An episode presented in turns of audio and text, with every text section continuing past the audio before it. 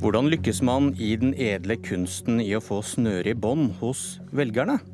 Kan du kutte i velgernes velferd når du trenger penger til annen velferd, og lykkes? Kan du kutte klimagassutslipp så det gjør vondt hos velgerne? Eller kanskje kan et mistillitsforslag mot regjeringen fange velgernes oppmerksomhet?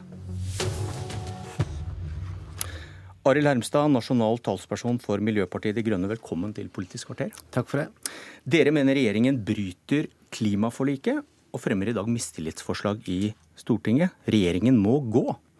Hvorfor nå?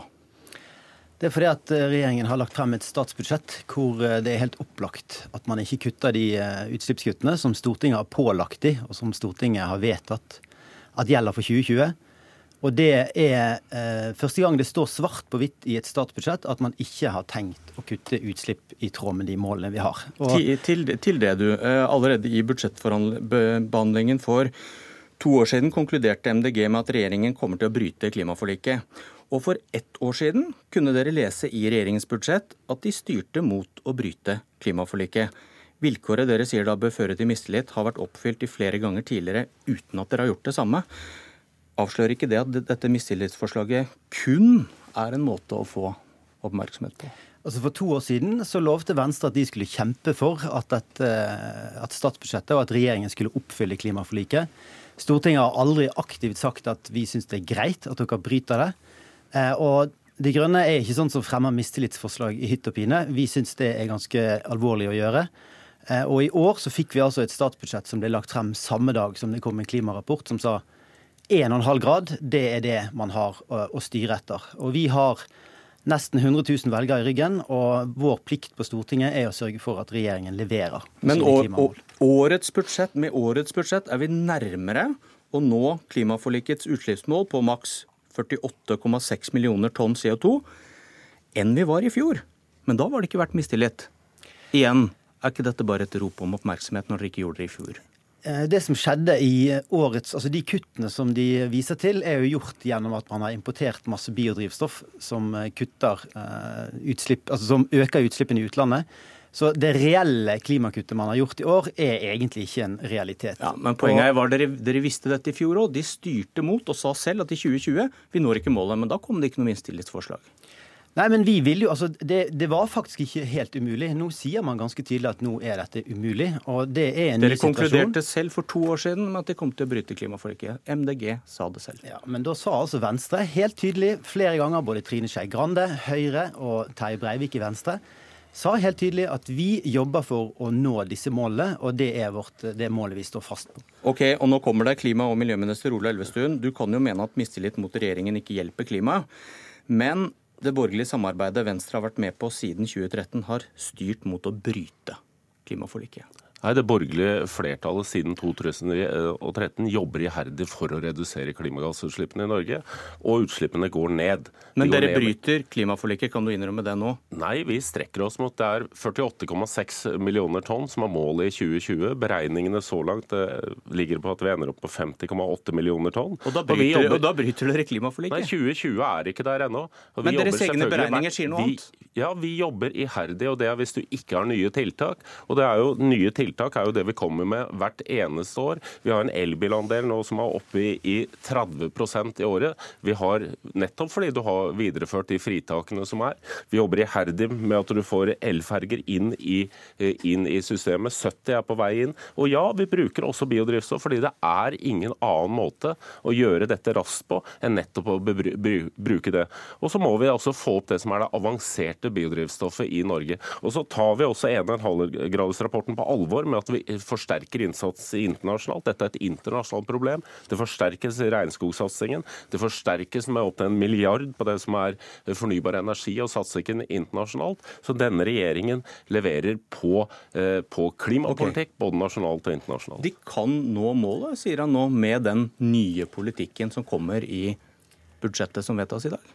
Eh, det er jo der vår tålmodighet er slutt. og De sier jo faktisk eh, sjøl at de ikke har tenkt å gjøre det i statsbudsjettet. Og så må de altså da de må kutte tre ganger så mye utslipp på ett år som de har gjort de siste fire årene.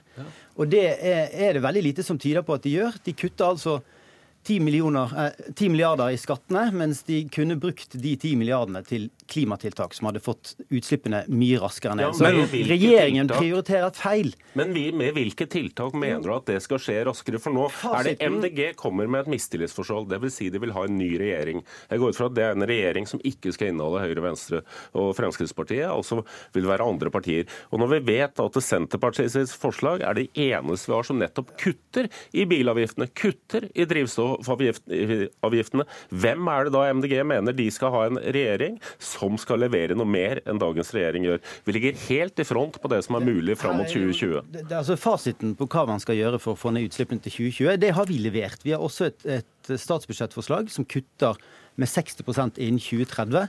Også der ligger regjeringen er langt etter det vi har eh, forventet at dere skal komme med når det gjelder kutt frem til 2030.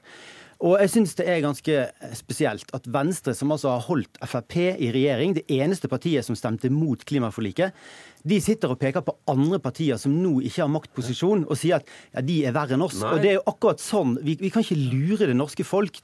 De som har makten, er nødt til å levere på de målene som Stortinget har vedtatt. Og det er, det er noe som Venstre må oppfylle. Ja, og det gjør vi. Vi leverer på Kyoto-avtalen, det gjør vi i 2020. Vi forsøker å få et enighet med EU for å ha en sikkerhet på at du skal 40, minst 40% ned innen 2030. Du får en utslippsbane som forplikter for at du skal levere på ren og ren. Sammen med Fremskrittspartiet har vi fått til nettopp et mål om at du bare skal selge nullutslippskjøretøy i 2025.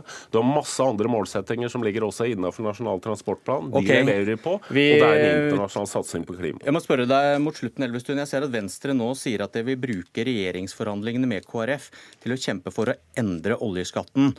Og Venstre vil jo i partiprogrammet fjerne leterefusjonsordningen og senke friinntekten til oljeselskapene. Og du har selv sagt at dette er det viktigste man kan gjøre i klimakampen. Hva konkret kan dere få til sammen med KrF? Det som er viktig, er at nå den 12. desember så leverer Klimarisikoutvalget sin eh, rapport, hvor de nettopp ser på klimarisikoen for hele norsk økonomi. Hva er konsekvensen av at vi, har, at vi får 1,5 eller 2 graders økning? Det gjør at bruken av olje og gass kommer til å måtte gå ned også i Norge. Og, vi må, og det vil danne grunnlag for en ny diskusjon, også om den politikken som er innrettet mot den sektoren. Men i mandatet til dette utvalget så står det at de ikke skal se på sitat, endringer i petroleumsskattesystemet eller i norsk petroleumspolitikk. Må, da må du kanskje bare vurdere å kjempe for Venstres politikk, og ikke vente på et utvalg som ikke skal si noe om dette? Dette kommer neste uke. Og de tar et blikk på hele norsk økonomi og ser på både hva skjer med at du har en internasjonal situasjon med en global oppvarming og de konsekvensene det gir. Vi har fått et innblikk i det i 1,5-gradersrapporten. Dette lander et grunnlag for hvordan vi skal drive politikk både på alle områder i Norge, også inkludert olje- og gassektoren. Ok, vi får se om dere tar kampen i en ny forhandlingsrunde. Takk for debatten.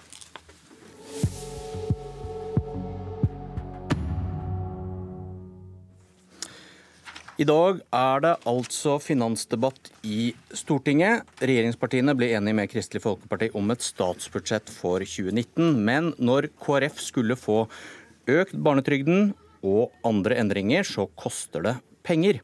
Og Henrik Asheim, leder i finanskomiteen fra Høyre. Hvis man ser på lista over hvor dere finner disse pengene, så kan det se ut som dere bruker en del penger dere bare kan bruke én gang på utgifter som er varige. Ja, Det er ikke helt riktig, faktisk. Så Det meste av det vi bruker, er jo f.eks. økte skatter. Altså Vi øker jo trinnskatten noe. Vi, eh, 200 millioner. ja, 200 millioner. Så uh, reduserer vi avansen til apotekene for å selge medisiner. Vi uh, innfører en uh, litt annen skatteordning på diett for utenlands. hvor mye penger er det? Ja, Det er et par hundre millioner, det også. Eh, Og så øker vi, eh, øker vi eh, skatten på diett, altså utenlandsreise, en del sånne ting som det. Men summen er jo fortsatt lavere skatter og avgifter. Men eh, da, kan jeg, da ja. kan jeg nevne noe av det jeg var inne på. da, fordi dere sitat, tidfesting av implementeringseffekten av ny regnskapsstandard for banker og finansforetak. Dere utsetter en skattelette og finner over en halv milliard kroner. Salg av noen gamle utslippskvoter, over 400 millioner kroner. Økt utbytte fra Argentum investeringsselskap, 500 millioner. Større summer enn du nevnte først. Og er dette noe å basere varige velferdsutgifter på, da? Ja, Hvis du tar finansskatten f.eks., så er det en engangs eh, skattefradrag for finansnæringen, som eh, også kompenseres ved at vi i 2020 fjerner 350-kronersgrensen. Så det er et regnestykke som går opp. Altså Man bare flytter en skatteøkning og reduksjon. Utbytte? Eh, Ja, Utbytter er noe vi hele tiden gjør. altså Dette er jo anslagene som kommer. Husk på at Statsbudsjettet er på 1350 milliarder kroner, og så har vi flytta på fire. Og Innenfor der så kommer det da noen anslag på at noe i norsk økonomi går bedre, f.eks. Vi får også at noen regninger som skal betales i 2019, flyttes til 2020 simpelthen fordi prosjektet er annerledes. Hva kunne alternativet vært til å betale for moroa på den måten? Nei, altså Det budsjettet som regjeringen har lagt frem, er jo et budsjett som går opp på alle mulige måter. Og det forliket vi har nå, går opp på alle mulige måter. Men hva, hva, hva kunne en alternativ inndekning vært? Nei, Alternativene ville jo vært enten å øke skattene eller å kutte andre steder. Og Hvis du får for sånn at økonomien går bedre enn man hadde trodd, eller utbyttene er større enn man hadde trodd, så er jo alternativet enten å ikke bruke de pengene og sende dem inn i det store sorte hullet, eller så er det å bruke dem på viktige velferdsreformer som øh, KrF har fått gjennomslag for. Kunne, kunne, du, kunne, du, funnet på å kalle det uansvarlig hvis noen andre enn Høyre betalte for seg på den måten her? Nei, rett og slett fordi alle de pengene vi bruker er penger vi faktisk har. Fordi ting forandrer seg, som sagt. Altså Når man har et budsjett som er så svært, så forandrer også anslagene seg underveis. Utsatt utbetaling, tilskudd til sjøfolk, 300 millioner. Ja, det bruker de pengene man, flere ganger? Nei, fordi det er da man flytter en utbetaling fra desember til januar. Ja, eh, for å skaffe penger. Seg, ja, men den flytter seg jo hvert år, da. For å si det sånn, så det er ikke penger som noensinne kommer til å måtte betales tilbake. Rigmor Aasrud, finanspolitisk talsperson i Arbeiderpartiet. Deres alternative budsjett har også mange tiltak som koster, og dere betaler bl.a. med 1,4 milliarder kroner dere mener staten får når dere fjerner denne 350-kronersgrensa for netthandel. Hvor har dere det saftige tallet fra? Ja, Vi fikk noen tall fra Virke i fjor som eh, hadde gjort beregninger på det her. Det er ikke noe tvil om at de tallene som eh, brukes i forskjellige rapporter, gir forskjellige svar på det, hvor mye vi kan hente inn på utenlandshandelen. Men det har ganske nylig kommet to rapporter som anslår at staten får mellom 500 millioner og 1 milliard neste år ved å fjerne grensa. Ja, men vi velger altså å stole på de som sitter med skoa på, de som jobber med dette her. De som har en interesse av, dette? Ja, men altså når vi ser eh, Men dette, dette, dette er ferske rapporter, hvorfor stoler du ikke på de tallene? Jo, men, men, som jeg sier, det er altså andre tall som viser at det har vært en ganske stor økning i, i handelen på 350-kronersgrensen. Og vi velger altså å bruke de tallene som vi brukte i fjor, som var godt beregna da. Så vi Så mener du, at dette Du stoler ikke på nye tall? Altså, vi, vi, har registrert at det er en stor oppgang i netthandelen, og da syns vi det er veldig rart at tallene går ned i år. Jeg tror de tallene som Finansdepartementet har beregna er veldig konservative, og vi mener at 1,4 milliarder er det vi klar, bør kunne klare å hente inn på å gjøre de endringene eh, på netthandelen. Men så er vi veldig overraska over at regjeringa ikke klarer å gjennomføre dette her på 14 måneder. For dette her er jo med på å skape norske arbeidsplasser, hvis vi klarer å tette igjen noe på netthandelen. Og det er veldig rart at man må bruke 14 måneder på å få gjort en endring som vil være nyttig for norske arbeidsplasser. Så til det pengene brukes til. Aasrud, dere er bekymret for at regjeringen vil øke pengeoverføringene til familiene så mye at folk velger å ikke jobbe? Ja, og det er eh, mange endringer nå som gjør at kontantytelsene øker. Flere eh, ordninger blir behovsprøvd. Og da kommer du i den situasjonen at du kan ha ganske store ytelser fra trygden, eh, og du vil måtte betale mer for tjenester hvis du øker inntektene dine. Og det trodde jeg også Høyre var bekymra for, at arbeidslinja da kan bli svekka fordi det er, er såpass store økninger i de trygdeytelsene. Så er det jo sånn at noen av de ytelsene gir veldig lite for den enkelte, men hvis du samler opp summen, så blir det ganske store beløp. Og de har vi valgt å bruke på tjenester som mer til tannhelse, mer til skolemat, mer til tiltak for fattige unger. Og det mener vi er mer målretta. Burde ikke du vært bekymra for arbeidslinja, og så har vi ikke gitt så mye kontanter til familiene? Jo, det er akkurat det vi er. og Det er derfor vi f.eks. har laget en uførereform som sier at man ikke skal få utbetalt mer enn det man fikk i lønn. Det er derfor vi har eh, arbeidsrettet arbeidsavklaringspenger, gjort alle de viktige grepene for å holde arbeidslinja. Men grunnen til at Arbeiderpartiet kommer med dette argumentet nå, er bare fordi de ikke liker de pengene. Altså, De liker ikke at engangsstønaden øker, som er altså en erstatning for fødselspenger for folk som er arbeidsledige. Det er ingen som slutter å jobbe fordi de får engangsstønad én en gang. At barnetrygden øker første gang på 22 år, det er noe alle får om de jobber eller ei. Sånn at det Arbeiderpartiet egentlig sier, er at de misliker de gjennomslagene KrF har fått. Og jeg tror kanskje KrF føler seg litt som en sånn kasinodeltaker som ikke valgte luke to, og som nå fikk se hva det var bak den luka. Det var kanskje ikke akkurat det de hadde ønsket seg. Og det viser at Arbeiderpartiet går til angrep på KrFs hjertesaker istedenfor på det som okay. er riktig. Og, og, og likte dere dette? Vil dere elske finansdebatten som eh, starter klokka ti og pågår langt utover kvelden. Dette var Ett politisk kvarter. Jeg heter Bjørn Myklebust.